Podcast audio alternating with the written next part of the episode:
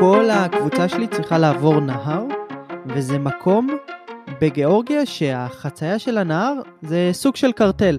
אי אפשר לחצות ברגל, חייבים להשתמש בסוסים של הכפר המקומי.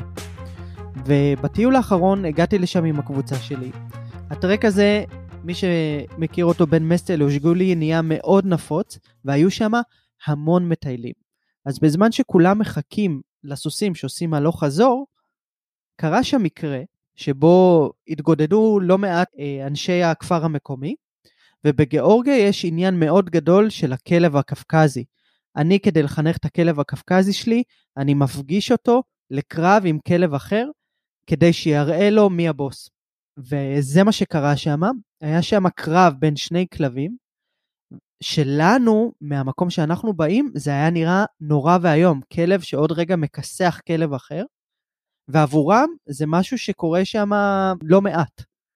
וכשזה קרה היינו בשוק, ובאותו רגע היה שם בחור ישראלי, לא מהקבוצה שלי, פשוט כמה חבר'ה שטיילו שם, שראה את זה והחליט, וממש התחיל להתערב, ניסה להפריד בין הכלבים. בעל הכלב לקח אבן, ועוד רגע בא לתת לישראלי בראש על זה שהוא מתערב, ובאמת באו להחטיף לו מכות.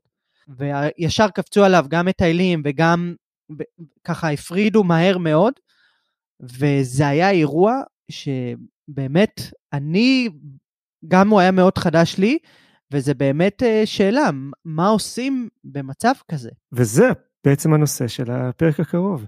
הפרקטיקה של התיירות האחראית, וזה המשך של הפרק הקודם, שבו דיברנו בעיקר על התיאוריה של כל העולם הזה. אז בהמשך לפרק הקודם, גם היום נמצאת איתנו פה ליאור, ונמצא עומר ואני יזהר, וזה המעיין, פודקאסט על טרקים ועל כל מה שמעבר. אז עומר, מה באמת עשית שם? האירוע נגמר, אני הלכתי לבחור הישראלי והסברתי לו שהוא התערב בתרבות בת מאות שנים שקורית כאן. הוא לא הבן אדם שעכשיו יכול להביא את המוסר האישי שלו למקום שמתנהג בצורה מסוימת, רחוק, ועכשיו לשנות אותו. זה נתפס רע מאוד, זה משפיע המון על איך שיסתכלו עלינו בהמשך. אבל זו שאלה עצומה של באמת מה לעשות במצב כזה. ליאור, מה דעתך? אוקיי, okay, אני חושבת שמה שקרה לך שם על, אה, על גדות הנהר מאוד מעניין בשתי, בשתי אספקטים שרלוונטיים לנו, לשיחה שלנו, לתיירות אחראית. דבר ראשון, מה שאמרת שהוא בא להתערב. יש כאן איזושהי התנגשות תרבויות מאוד מאוד גדולה. אנחנו אומרים אצל, אצלם, הם יש להם עניין עם הכלבים, הם עושים קרבות כלבים, זה לא בסדר, כי אצלנו כאילו אין עניין עם הכלב, גם אצלנו יש עניין עם הכלב. זאת חיה טובה, היא החבר הטוב של האדם, היא נחשבת יותר מחיות אחרות, אותה זה לא בסדר לאכול, חיות אחרות זה כן בסדר לאכול. אמ, יש לנו גם כן עניין עם הכלב, ובאמת הייתה פה התנגשות תרבויות. עכשיו, בתרבות שאתה מתאר, העניין של הקרבות כלבים, יש בו, הוא מאוד עתיק, הוא מאוד מושרש, יש פה הרבה מאוד סובלימציה. כלומר סובלימציה גברית, העניין הזה של אה, הטטוסטרון הגברי הזה, הזה, המי מנצח, המי ראשון, אם לא היה את זה על כלבים, אולי היה את זה יותר על אנשים, אני לא יודעת מה היה אם, אבל זה מה שיש שם עכשיו וזה היחס שלהם לזה. תרבות אחרת תסתכל עלינו, תגיד אוי אוי אוי, הם עושים דברים אחרים נוראיים. יש תמיד התנגשות תרבויות. זה עניין אחד, להבין שאנחנו עומדים פה בפני התנגשות תרבויות. אתה גם הזכרת שם את העניין של הקרטל. הקרטל הזה מעביר את, המים, מעביר את לאנשים את הציוד, את הציוד במים, גם אם יש הרבה מים וגם אם האנשים תכלס כן יכולים לעבור. העניין הזה נוגע בעוד נקודה, שאם אנחנו מגיעים למקום, אנחנו בעצם לא משלמים, אתה בעצם לא שילמת שם באמת כדי שיעבירו לך את הציוד, לא באמת, גם אם באמת לא צריך לשלם על זה. אתה בא, אתה לוקח כרגע משהו מהמקום, המשהו הזה שאנחנו לוקחים הוא לא תמיד פיזי, הוא לא תמיד אבן שלקחנו מהשטח או משהו כזה. אנחנו לוקחים איזושהי אנרגיה, אנחנו נהנים בטיול, אנחנו מקבלים משהו מהמקום הזה. מה אנחנו משאירים אחרינו?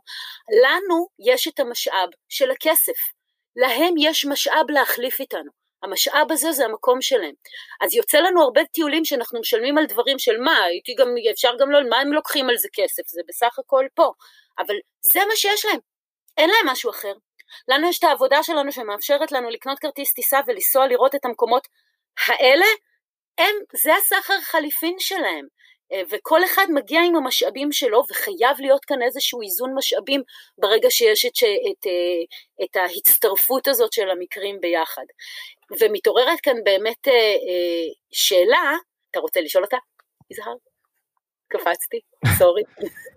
לא, לא, אתה אחלה. אז תעזרי לנו ליאור, מה כן לעשות? אני תמיד ממליצה לעשות את תרגיל מחשבתי מאוד מעניין, שקוראים לו דמיין את ההפך. דמיין את זה שאתה זה שגר פה, ו, ויש מישהו אחר שמגיע אה, לבקר אותך.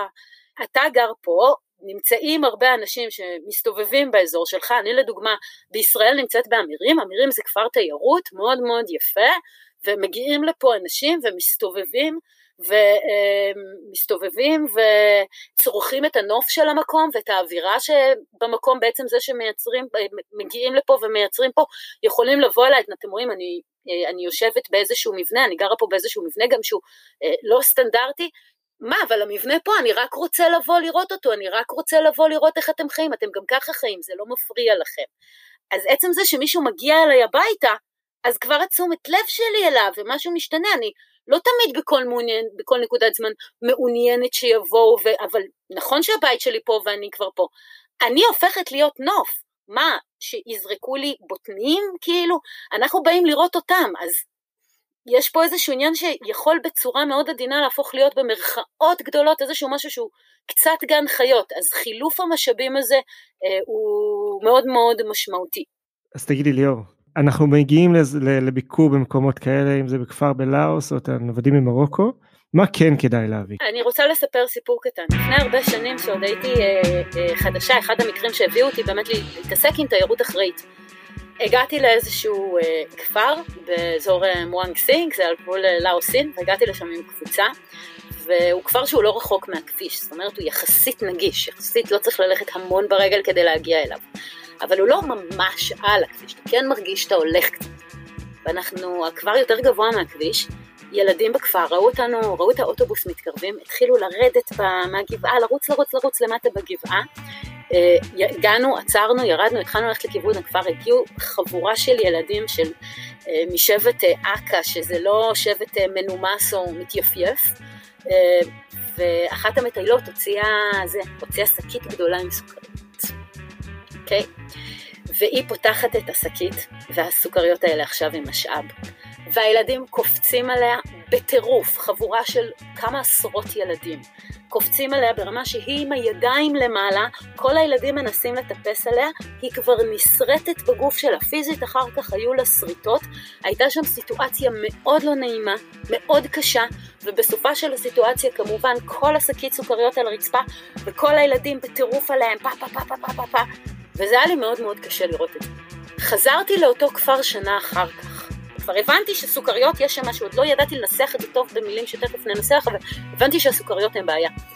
ואז הגעתי לכפר, וכשאני מסתובבת עם האנשים בכפר, אני מסתכלת על הרצפה, ואני מרימה עטיפה של סוכריה, שכתוב עליה עילית בעברית. בדיוק מאותה חבילה שהמטיילת זרקה שם לפני שנה. כאילו, מה זה זרקה? שחטפו מהמטיילת באלימות כמעט לפני שנה. וזה משהו שהפיל לי אה, הרבה מאוד אה, אה, אסימונים. כי כשהיא הגיעה לשם, היא הגיעה לשם בעצם לתת טוב, הנה, אני מחלקת סוכריות אחריי. ומה בסופו של דבר יצא מזה? היא הייתה אה, פגועה פיזית, זו הייתה סיטואציה גם לקבוצה, זאת הייתה סיטואציה קשה. היא הכניסה אה, חומר, שהחומר הזה הוא סוכר עם צבע מאכל שיוצר בסין, ממש לא רחוק משם, אבל הוא טס קודם לישראל. הוא נרכש שם אצל אנשים שהשקל הזה שהוא נרכש לא שימשו כדי לשים אוכל על השולחן, אלא כדי לקנות את בית הקיץ השלישי שלהם, טס בחזרה, ממש על הגבול עם סין, שם יצר את הסיטואציה הקשה, הסוכר הזה במקום שאין בו שירות דנטלי כל כך מתקדם, אה, משחרר אנדורפינים, סוכר לבן ממכר, משחרר אנדורפינים ואין להם את זה שמה. ועכשיו כשיגיע סוכריה מרחוק כל הילדים יריבו כי הם כבר יודעים כמה זה טעים ובאין כסף של אימא שלהם הם ידרשו מאימא שלהם עוד ממתק, עוד סוכריה ובסופו של דבר יש להם עכשיו את חוסר השביעות רצון מזה שהם יודעים שקיים משהו שהם לא יכולים להשיג אותו, ואני אוספת חטיפה, עטיפה של עילית שאני בעצמי הבאתי לשם בזה שהבאתי לשם את המטיילים שלי. וזו סיטואציה ש... בגלל שאני גם חוזרת לשם ורואה את התהליך, אה, ובכלל כל התהליך הזה שאנחנו נותנים סוכריות ואנחנו מרגישים שאנחנו ממש טובים עם עצמנו ועשינו שילד יחייך והשארנו אחרינו חיוכים של ילדים, מה המשמעות של זה באמת? וזו השאלה לא של אחריות תיירותית אלא של מודעות תיירותית. וכשאנחנו מדברים על השאלה מהי מודעות תיירותית, בעולם של מודעות זה כל דבר שמונח לפנינו, בין אם הוא אה, פלאפון שאנחנו מחזיקים ביד או בין אם סיטואציה מה קרה קודם, מה קורה עכשיו ולאן זה יוביל. מה קרה קודם, מה קרה לסוכריה הזאת עד שהיא הגיעה עכשיו, ומה היא השאירה אחריה הסוכריה הזאת. ברור שפעם הילדים האלה לא רדפו אחרי סוכריות. מישהו בא ונתן את הסוכריה הזאת פעם ראשונה. הפסיק את שבירת האותנטיות. הוא יצר סיטואציה שיש לילד משהו שהוא לא יכול להשיג, חוסר שביעות רצון, מה שהבודהיזם מדבר כ... הסבל הגדול, הדברים שאנחנו לא יכולים להשיג, התשוקה הגדולה הזאת, שכל מה שאנחנו לא נוכל להשיג זה מה שיגרום לנו את הסבל בחיים. אנחנו בעצם נותנים סוכריה לילד ומשאירים אחרינו סבל של חוסר שביעות רצון מזה שהוא לא יכול לקבל את זה, ואז ברגע שהוא כן מקבל את זה, הוא לא באמת תרבות מערבית, מנומסת, אירופאית, שבה מבקשים יפה סוכריה ומקבלים בסופו של דבר. לא. זה משאב, וזה מקום שאין בו משאבים, וזה מקום שהולכים בו שתי קילומטר ברגל בשביל להביא מים, ושאין חשמל, ושעובדים בשביל כל האוכל, וכשמגיע משאב חדש, אף אחד פה כבר לא מנומס. זה לא חלק מעולם הערכים, מסולם הערכים המקומי, ומבחינתנו אוי אוי אוי, איזה לא מנומסים הם, הם קפצו על המטיילת ושרטו אותה. זה התנגשות של אמיתות, התנגשות של עולמות, אה, ובאמת הנקודה הזאת של הסוכריות היא אחת הנקודות אה, המאוד אה, כואבות ויומיומיות באיך להתנהל. זאת אומרת, איך את מתווכת להם את כל מה שסיפרת לנו עד עכשיו, שאת רואה את התהליך הזה במאקרו, ו- וממש ממש רואה את המעגל השלם סביב זה, אבל היום הגעת לשם עם קבוצה, את מעבירה את, כאילו איך את מתווכת את זה הלאה? את מסבירה לכולם כמו שהסברת לנו, או אומרת פשוט, חבר'ה, סוכריות, אל תחלקו להם אם עכשיו באים. האם, האם התייר פשוט מבין את זה לבד? לא, הרבה מהם לא, והרבה מהעניין של מבחינתי כמדריכה, כשאני מובילה קבוצה, זה לא רק להראות להם את המקומות היפים, אלא להעביר להם אמיתות של המקומות, והאמיתות האלה זה משהו שאני עושה אותו בכל המקומות שלהם, בכל המדינות שאני מדריכה בהם, כל מקום והאמת שלו, וזה באמת משהו שאני מתייחסת אליו מהמפגש קבוצה, אל תביאו זה לא טוב, למה אנחנו נדבר על זה בטיול, ואני מציפה את הסיפור הזה עם הסוכריות, אה, אני מציפה וגם אה, אה, דברים נוספים, סיטואציות בתי ספר, ביקורים בבתי ספר, חתונות, כל הדברים האלה זה משהו שמאוד מוצף, מוצף בטיולים שלי ונערכים עליו דיונים באוטובוסים וזה משהו שאנחנו מתעסקים איתו וזה גם משהו שנורא שגורם לאנשים לחשוב ולהבין הסימביוזה הזאת שזה גם מה שאנחנו רואים מולנו גם איזה עץ זה גם הכרה פה לאדמה, אבל גם מה האמת שיש פה, מה האמת שקיימת פה, וזה, וזה חלק מהאמת של כל בן אדם שמטייל, גם לא משנה באיזה מדינה, לא משנה באיזה מקום, everywhere, גם אם אתה בשביל ישראל או אם אתה ב, בכל מקום אחר, כן, זה משהו שאני מנסה לדוברר אותו הרבה. אז ליאור, תכלס מה כן להביא? יש כל מיני צורות, אמרנו שאנחנו משאב, אז קודם כל מתנות להביא אם מישהו נקשרת אליו במהלך הטיול, וזה יכול להיות החל ממישהי שאירחה אותך, המנקה בגסטהאוס, אה, נהג אחד שהיה לך והיה לכם איזושהי שיחה קצת יותר, אז הרבה פעמים אה, כשאנחנו מגיעים מישראל, אז זה אחד הדברים שמדברים לתרבות שלנו ומדברים גם לתרבויות אחרות, זה חמסות. בכל תרבות יש את החמסה שלה, וזה משהו שמאוד קל למישהו אחר להתחבר אליו, וזה משהו שאתה נותן לו כהגנה. אה, אז מי שמתחבר לעניין הזה של להביא חמסה, אתה לא צריך להיות דתי או מאוד מסורתי בשביל זה, עצם הסימבוליות אה, של להביא משהו שיספק לו הגנה אחר כך. אז אה, חמסה זה מגניב שאנחנו מגיעים מפה. יש לך עוד רעיונות? כן, עבודות יד, משהו שעשיתם, משהו שמישהו אחר שאתם מכירים עשה וקניתם ממנו, כלומר עודדתם אה, במושב שלידכם או מישהו שעושה איזושהי עבודת יד קטנה שאפשר לקחת הרבה ממנה, ואנשים בהרבה מקומות, כל בן אדם יודע להעריך עבודת יד, אפשר להסתכל ולדמיין את האמן שעשה את זה. אה, אז עבודות יד קטנות, דברים כאלה שהם לאו דווקא שווים הרבה, הרבה כסף. אה, ביפן לדוגמה, באסיה, אני במקומות עולם שלישי פחות סוכר וכאלה, אבל ביפן לדוגמה, אני יודעת, טיפ למי שמטייל ביפן, חלבה, אוי כמה יפנים אוהבים חלבה וכמה זה מפה, אה, חלבה ותמרים, או שקיות קטנות עם פירות יבשים, גם פחות לילדים במדינת עולם שלישי, אבל אם אתם מטיילים במקום ואתם רוצים להשאיר משהו אחריכם באמת, ואתם אלה שבאים עם המשאב של הכסף, לעשות תרומה, ולעשות תרומה זה למקום שנגיד לתת למנהל בית הספר עכשיו אה, כסף שיאפשר לו לקנות אה, כמה שולחנות וכיסאות, או לקנות אה, מחברות לתלמידים לשנה, או לקנות עטים לכל בית הספר, וגם לא לבוא עם חבילה של עטים ולחלק אותם אחד אחד, כי כשאנחנו מחלקים אחד אחד, גם בסיפור של הסוכריות ובכלל בכל חלוקה שאנחנו באים עם הרבה ומחלקים אחד אחד, אנחנו מנציחים איזשהו מצב קיים שהחזק זה שתמיד רץ קדימה, הוא זה שיקבל הכי הרבה, יחביא במכנסיים, ילך ייקח עוד, יתחילו לעשות מסחרה, העט הזה או הסוכריה או לא משנה מה נתתם, הפך להיות משאב והוא הופך להיות כלכלה ביניהם וסחר מכר ביניהם ותיתן לי ואני אביא לך זה. לא באמת אם הבאתם איזשהו עט לעשרה ילדים אז עזרתם לילדים ללמוד קרוא וכתוב באסיה, אוקיי? הם ידעו או לא ידעו לא בזכות העט שלכם. תרימו תרומה אמיתית, תעשו שנייה איזושהי יוגה כזאת בלב, איזושהי מתיחה לאיפה שאנחנו יכולים ועוד קצת.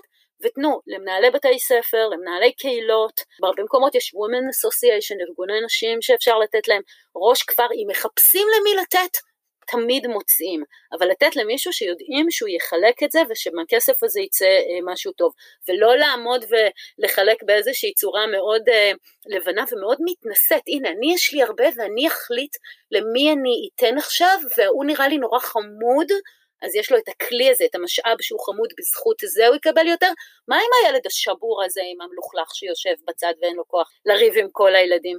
אז אה, לתת בצורה מאורגנת, מסודרת, או לתת משהו שהוא באמת מזכרות מאירוע, מתאריך. הייתה לי מטיילת פעם שהביאה מפיות שהיא רקמה. אני, אני אומר, הסיפור שלך הזכיר לי אה, מה שקורה לי על הקילימנג'ארו הרבה פעמים.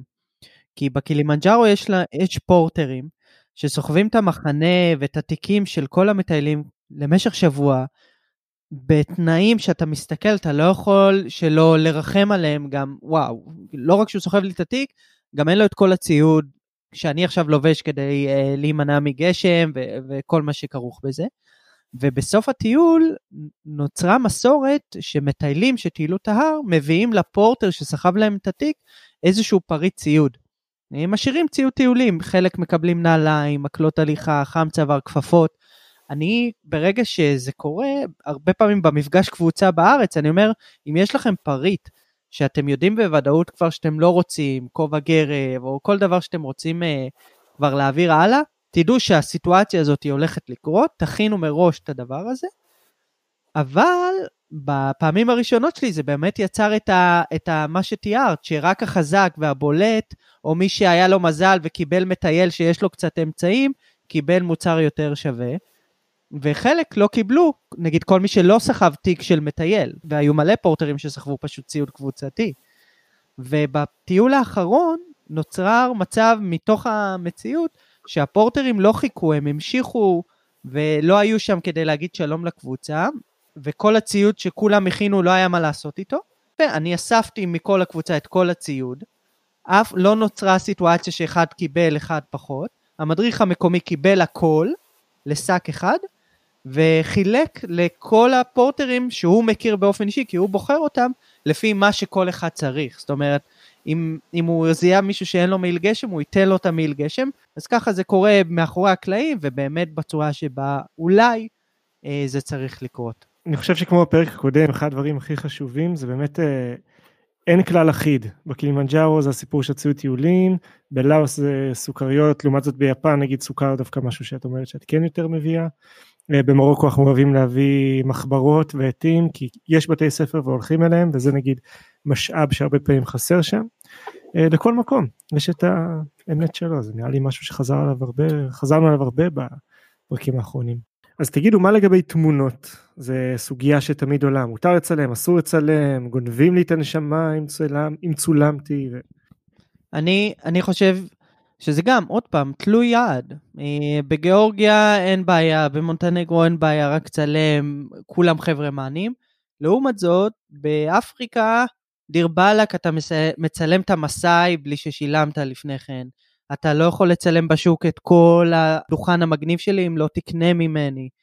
ולכן גם זה, זה מתחבר לרעיון הכללי באמת של אולי פה זה פחות מקום, זה יותר, רגע, זה אני, יש לי מקום בעולם הזה, ואני לא בהכרח עכשיו רוצה להיות uh, התמונה שתתלה אצלך בבית. אז וואי, זה, זה גם, זה נקודה סופר רגישה, במיוחד ב... לא יודע, אצלי אני חווה את זה באפריקה.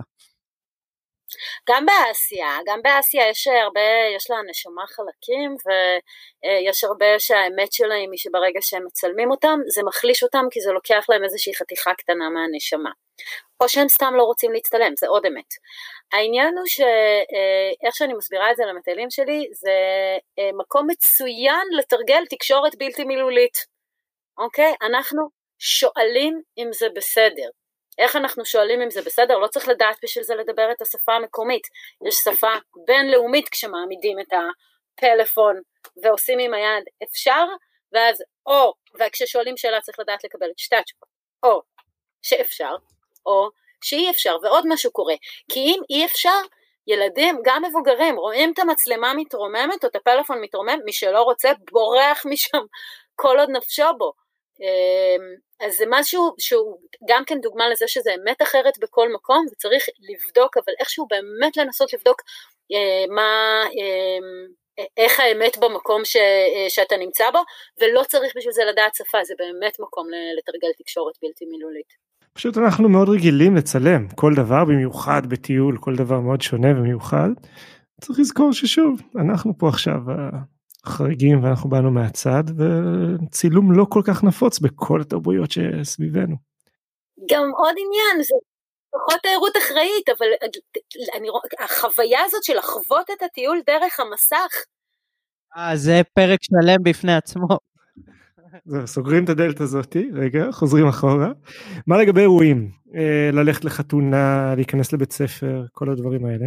כן, אני רוצה עכשיו שנשים את עצמנו בנעליים של המורה שאנחנו נכנסים אליה לבית ספר, נכנסים אליה לכיתה, נדמיין שאנחנו המורה הזאת, אנחנו במקום שקשה מאוד להושיב תלמידים להתרכז במשך הרבה מאוד זמן, עד שהיא כבר מצליחה לעשות את זה ולהיכנס לריתם של השיעור, נכנסת קבוצה של אנשים שנראים אחרת לגמרי, לבושים אחרת לגמרי, מתנהגים אחרת לגמרי, אומרים לה בואי, זוזי הצידה, אנחנו נלמד אותם עכשיו את אל המעיין. אל המעיין, תחזרו אחריי, עכשיו אתם.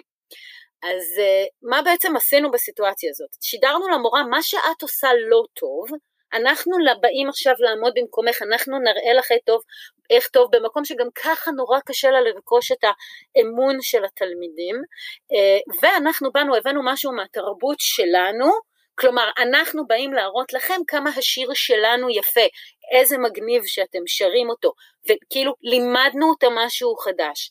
מישהו פעם בא וניסה ללמוד את, ה, את השיר שהם שרים, שהם שרים אותו, ומה, כלומר כל העניין הזה של כניסה לבית ספר זה ממש פגיעה מאוד, אה, יכול להיות פגיעה אה, מאוד חסרת מודעות במרקם החיים והריתם והמקצב היומי של בית הספר, שמאוד מורכב אה, להיכנס אליו, או אנחנו ממש מפרים אותו שאנחנו נכנסים לשם. איך בכל זאת אפשר לעשות את זה? כשאנחנו נכנסים לבית ספר במדינות uh, עולם שלישי, קודם כל מאוד לבדוק בעיניים, לשאול כל מי שרואים אפשר אפשר, ואם לא הגענו, להיכנס קודם לחדר של המנהל.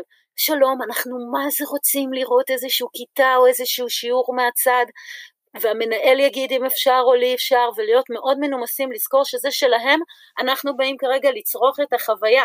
אה, ולא לא להזיז החוצה, הצידה וללמד, אה, לראות, אנחנו באים להתבונן, אנחנו במקום המתבונן והמנסה כמה שפחות להשאיר טביעת רגל אחרינו, וללמד אל המעיין זה להשאיר טביעת רגל. אני חושב שמאוד תלוי באמת במבנה הבית ספר, אולי זה הדבר הכי משמעותי, אם יש באמת חדר מנהל או מנהלת להיכנס אליהם, זה כמובן הדבר הנכון. פשוט להציץ מהחלון, לראות אם זה רלוונטי או לא, לחכות להפסקה, בדיוק כמו לבקר בבית ספר בארץ בתכלס. ו- ולעשות את זה באמת ברגישות מסוימת. התלמידים דווקא הרבה פעמים לבוא ולראות אנשים אחרים זה יכול להיות מאוד מעניין וגם המורה לפעמים זה נותן לו איזשהו מין מקום של המתווך, האחראי, המבוגר, זה דווקא יכול להיות גם אירוע מעצים אם עושים אותו באמת בצורה אה, הגיונית ומתחשבת. ובעיקר סבלנות והרבה חיוכים, גם שלנו, חשוב. נכון. אוקיי, אז אנחנו כבר ממש מתחילים לסיים את הפרק השני שלנו על תיירות אחראית. ליאור, מה, מה את יכולה להציע לנו בעצם עקרונות כדי לנסות להיות תיירים מעט יותר אחראיים? ברור לנו שזה עולם אינסופי, ברור לנו שתיירות בעצם מהותה היא חוסר אחריות, איך אנחנו יכולים בכל זאת לעשות את זה קצת יותר טוב? מה את אומרת? טיפ ראשון, דמיין את ההפך. כשאתה מגיע למקום, תדמיין שאתה בא למקום ושאתה רואה מישהו מאוד שונה ממך, אני הרבה פעמים נותנת, קל לנו לחשוב. אנחנו מאוד שטחיים, צבעים. אז תדמיינו שמישהו, אתם רוצים להיכנס לחתונה, תדמיינו שחבורה של אפריקאים הייתה אה, עוברת ורוצה להיכנס לחתונה של אחותכם, של הבת שלכם. דמיינו את ההפך. איך הייתם מגיבים אם הייתם בסיטואציה הפוכה לכל סיטואציה? קוראים לזה חמלה, לשים את עצמך בנעליים של מישהו אחר. זה דבר ראשון. דבר שני, מה שאנחנו עושים, תמיד לנסות להקטין את טביעת הרגל, להשאיר אחרינו כמה שפחות. וזה לא רק בעניין של זבל שאיתו התחלנו את הפרק הקודם, אלא בכל רמה, איך אנחנו לא משאירים אחרינו את, ה, את התרבות שלנו. אנחנו באים כרגע להתבונן, וזה מביא אותנו לדבר השלישי, לזכור שאנחנו אלה שאורחים. בכל נקודה, גם אם אנחנו נמצאים במקום ומטיילים בו הרבה זמן, אנחנו עדיין האורחים בכל מקום. פשוט להתנהג כמו אורחים, אה, ולא כמו בעלי בית, בין אם זה כלפי האנשים, כלפי המקום עצמו שאנחנו הולכים בו, שמארח אותנו, כל מקום אנחנו לוקחים משהו, אז לשאול מה אנחנו משאירים אחרינו, ולנסות להשאיר כמה שפחות.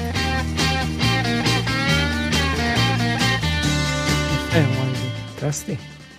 אני חושב שבאמת אנחנו חייבים להתעסק בזה כעוסקים בתיירות וכתיירים כולנו חייבים להתעסק בזה כי זה באמת במיוחד בשנים האלה שהתיירות עולה ועולה ועולה אנחנו מגיעים לנקודות מאוד רחוקות בכדור הארץ, בין אם זה גרינלנד או הפסגה הגבוהה ביותר באפריקה או שבטים בלאוס, ואנחנו מחוללים שם משהו. אנחנו צריכים לנסות כל הזמן לחשוב על מה יהיה שם גם אחרי שנלך משם, גם אחרי, גם מה יהיה שם שנרצה לחזור לשם שנה הבאה, כמדריכים, כמטיילים, עם קבוצות, וגם איפה זה שם בעצם את המקום, או את מה שאנחנו עושים, סליחה, בבחינה ה... גלובלית, העולם כולו משתנה, פלאפונים מגיעים לכל מקום, ההשפעות המערביות מגיעות לכל מקום, וזאת כבר סוגיה שהיא לדעתי לסדרת פרקים אחרת, אולי עם מומחים גם בתחום הזה, שאני לא יודע אם נגיע לזה יום אחד, אבל אולי מי יודע, יום מן הימים. אני חושב שבאמת תסכול במשאבים היא מאוד משמעותית, זה שאנחנו באים עם משאב שכמה שזה קר ומעפן להגיד את זה, אנחנו פשוט באים עם כסף. ואם נדע לחלק ולנהל אותו נכון, במיוחד שוב אנחנו כ- כעוסקים בתיירות במקום, נוכל בסוף לייצר איזשהו איזון. אוקיי, okay, ליאור, אז אנחנו בכל סוף פרק, יש לנו פינה, שזו הפינה האהובה על יזהר, זאת פינת הציטוט. את היום אה, אחראית על פינת הציטוט, אז הנה זה, תני לנו את הציטוט שלך להיום. יש. אז הציטוט שלי הוא של אה, לין ג'י, שהוא אה, נזיר ומורה זן, הוא מקושר ליפן, חי במאה העשירית, והוא כותב כך: אתה מחפש דבר מה מיוחד ומפספס את המיוחד שיש לך בידיים. אין מה להתאמץ, הכל פה.